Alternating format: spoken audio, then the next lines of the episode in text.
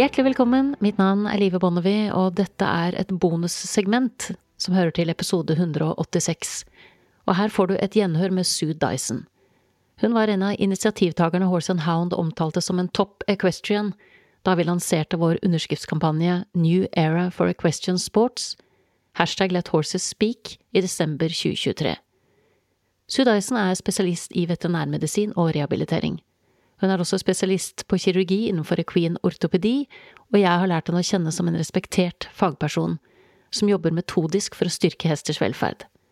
Jeg har invitert henne til en prat om tingenes tilstand, det vil si hvor vi er og hva som har skjedd siden sist jeg intervjuet henne i november 2022, og ikke minst hva som har skjedd i kjølvannet av Operasjon X-dokumentaren Hestemilliardærens hemmeligheter, som ligger tilgjengelig på VGTV. Heldigvis takket hun ja.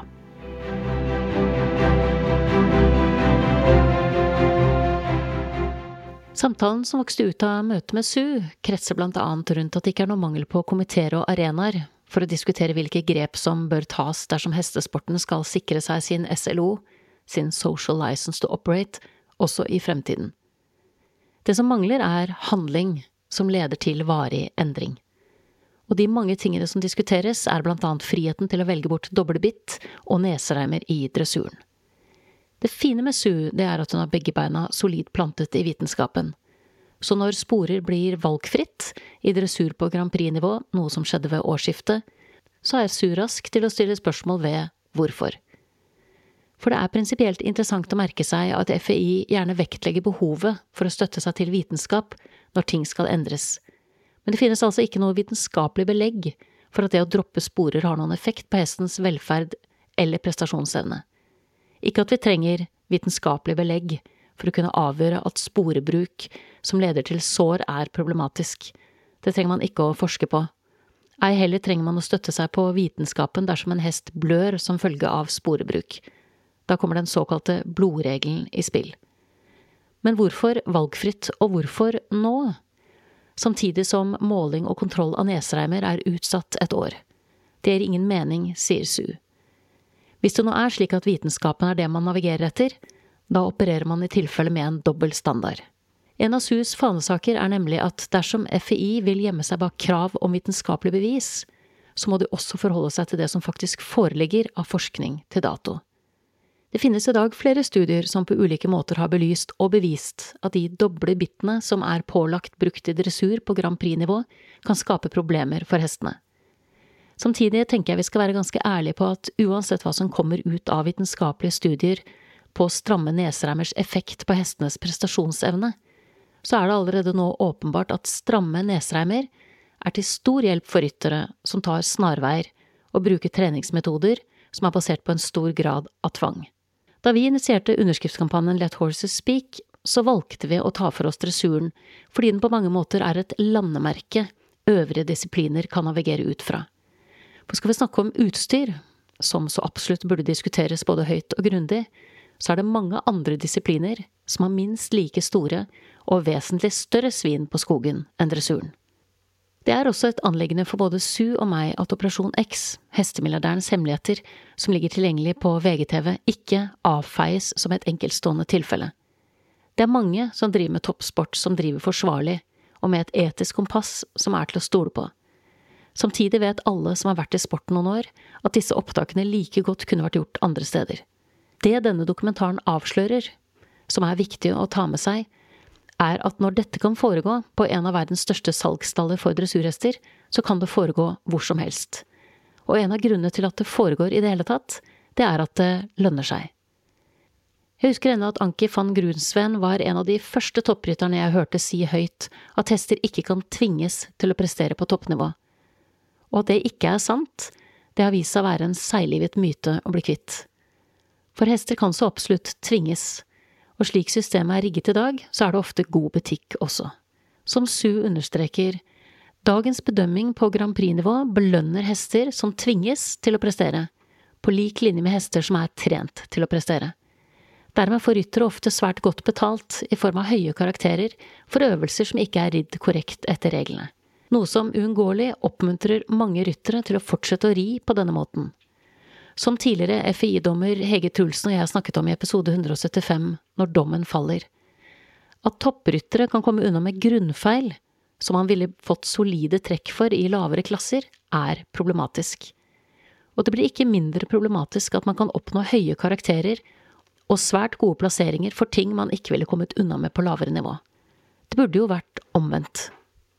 Man kan i dag hevde seg godt med hester som ris bak loddplan, går og gaper og slår med halen, selv om dette i mange tilfeller er klare indikasjoner på at hesten ikke er trent korrekt. Grunnen til at vi havnet i dette uføret er sammensatt, men Su trekker i likhet med tidligere FI-dommer Hege Tulsen frem avlen som en viktig komponent i spillet. Fordi vi avler hester som veldig få er i stand til å ri, er det også lettere å falle tilbake på metoder som er preget av tvang og sterke hjelpemidler. Det er så mye kraft, så mye varmt blod og så mye følsomhet i disse hestene at det stiller krav til oss som ryttere, som er av et helt annet kaliber enn hva tilfellet var tidligere. At hestene kan starte Grand Prix allerede som åtteåringer, er også utfordrende. Fordi det blir fristende å komme raskere til målet av økonomiske årsaker, og fordi det er fort gjort å forsere gjennomsnittshestens naturlige fysiske utvikling. Hester som viser lovende takter svært tidlig, men som likevel krever tid og tålmodighet for å bygges opp for å kunne konkurrere på et toppnivå, kan vises tidlig og selges dyrt. Men de er ikke bare sårbare for skader. Det er fort gjort å bli for grådig og tråkke feil. Og apropos å tråkke feil. Det er en betydelig utfordring at mange har latt seg forføre av spektakulære løft, samtidig som mangelen på symmetri kan være helt påfallende i enkelte øvelser. For selv om vi ønsker oss hester som leverer det lille ekstra, så kan vi ikke fravike prinsippet om at ekvipasjen skal være harmonisk. For uten harmoni så har vi i realiteten mistet det viktigste dressuren har å by på.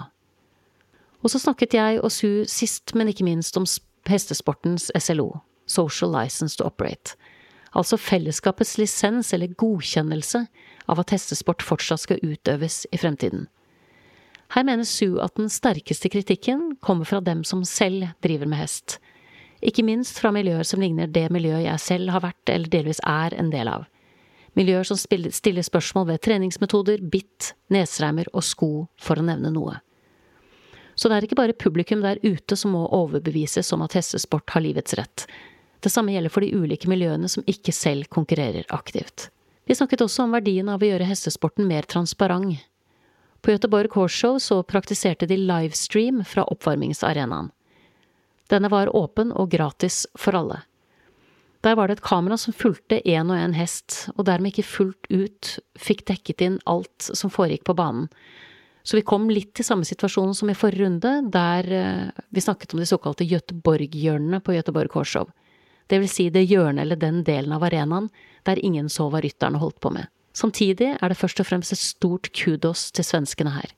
De var tidlig ute med å gjøre sporet valgfritt, og de tok ikke minst initiativet til brevet som nylig ble sendt fra de nordiske rytterforbundene til FAI. Så svenskene er fremoverlente. Kanskje litt for fremoverlente for flere av topprytterne. For blant dressurrytterne som er ranket på topp ti i verden, så var det ikke mer enn én internasjonal dressurrytter som møtte opp på det som pleier å være et av de største stevnene som inngår i World Cup. Og grunnen til at dressurstjernene uteble, blir man jo nysgjerrig på for de var ikke på det andre store stevnet som ble arrangert samtidig heller. Uansett når det gjelder oppvarmingen, så har skjermingen av ryttere ofte blitt begrunnet med at hestene ellers møter en veldig krevende og høyenergisk situasjon på de største stevnene, og at det derfor ikke er så rart om man må stramme tøylene litt ekstra. Samtidig er det jo viktig å huske på at målet med dressur er en harmonisk og trygg hest som er under hjelperne, og dermed en hest som burde kunne være ganske så komfortabel nær sagt hvor som helst. Så hvis så ikke er tilfellet, så avler vi enten hester som ikke egner seg for sporten, eller ryttere som ikke er gode nok til å ri dem, eller en kombinasjon av disse faktorene. Vi vil jo gjerne ha en uttrykksfull hest med kraft og utstråling, men med et snev av indre ro og kontakt med rytteren sin like fullt. Spørsmålet Sue og jeg stiller oss selv og andre, er om endringen er mulig, når sporten er kommet så skjevt ut. Og da trekker Sue frem Charlotte de Jardin, som i London i 2012 byttet ut flosshatten med en ridehjelm, som den gangen var et tydelig brudd på en lang tradisjon, men som i dag like fullt er blitt den nye normalen. Både Sue og jeg hadde ønsket oss et internasjonalt rytterforbund som var mer åpent for endring. Mer åpent for å la diskusjoner og forskning gi målbare resultater for sporten i form av endringer som sikrer hestene best mulig velferd. Der fokus er på å trene hestene korrekt i henhold til idealene som ligger til grunn for å utvikle en sunn og harmonisk ekvipasje. Og vi snakket ikke minst om de mange nyansene. Som kontroversen rundt Lottie Fry og Everdale, eller mitt interessante møte med sprangrytteren Peder Fredriksson og hesten Charlie, som jeg tilbrakte en hel dag med på Jönköping Horse for et par år siden, med påfølgende intervju. Og der fikk jeg sett et stykke toppsport som det sto respekt av. Og sist, men ikke minst, snakket vi om hestene som blir kastet til side fordi de ikke klarer å leve opp til våre raske krav og høye forventninger. Og når vi snakker om å leve opp til våre høye krav og forventninger, det er umulig for meg å la være å trekke fram dokumentaren Pedigree Dogs Exposed. Det jeg husker best fra denne dokumentaren, det er en liten pelsdott av en hund som er, jeg husker ikke om den var best show, best in show eller best i sin klasse, men det jeg husker veldig godt, er at den sitter på et bord, og det står masse mennesker rundt og knapp, klapper og er begeistret. Eh, og denne lille eh, pelsdotten av en hund, som virkelig har en voldsomt stor pels i forhold til størrelsen, den sitter på et kjøleelement. For hvis den ikke har det kjøleelementet, så vil den rett og slett bli overopphetet. Og når man ser på hestesporten i dag, så tenker jeg litt på den applausen denne lille hunden på det kjøleelementet fikk. At en del av de tingene vi klapper for, har noen av de samme trekkene. Men at de som selv er inne i bransjen, i likhet med disse menneskene som klappet for denne lille hunden, er så innsauset i avvik fra normalen at man ikke lenger evner å se at det dreier seg om avvik. Noen ganger når jeg ser dressur i dag, så lurer jeg nettopp på om vi egentlig vet hva vi klapper for. I denne episoden så har jeg gjort en litt annen vri enn jeg pleier. For den er som alle mine internasjonale episoder innspilt for mine engelske søsterpodkast Clan of the Horses, der jeg normalt publiserer nye internasjonale episoder den første mandagen i måneden. Men denne gangen har jeg i tillegg spilt inn denne episoden med video, og publisert den på YouTube. Så hvis du ønsker å høre det originale intervjuet i sin helhet, så kan du denne gangen også høre det med bilde, hvis du ønsker det. Du finner ellers alt du trenger av linker og tilleggsinformasjon på bloggen min som ligger på www.livebonnevie.no, og som alltid anbefaler jeg deg virkelig å høre hele det originale intervjuet, som er det første i en serie på tre episoder. Tre episoder der målet er å se fremover, mot det jeg håper blir en ny æra for hestesporten. Det er på høy tid. Du har nettopp hørt et bonussegment til episode 186 fra Hestenes Klan, en podkast om hester og hestefolk.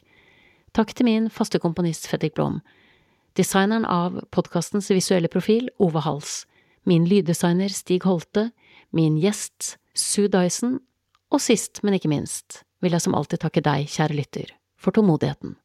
Måtte hesten for alltid være med deg.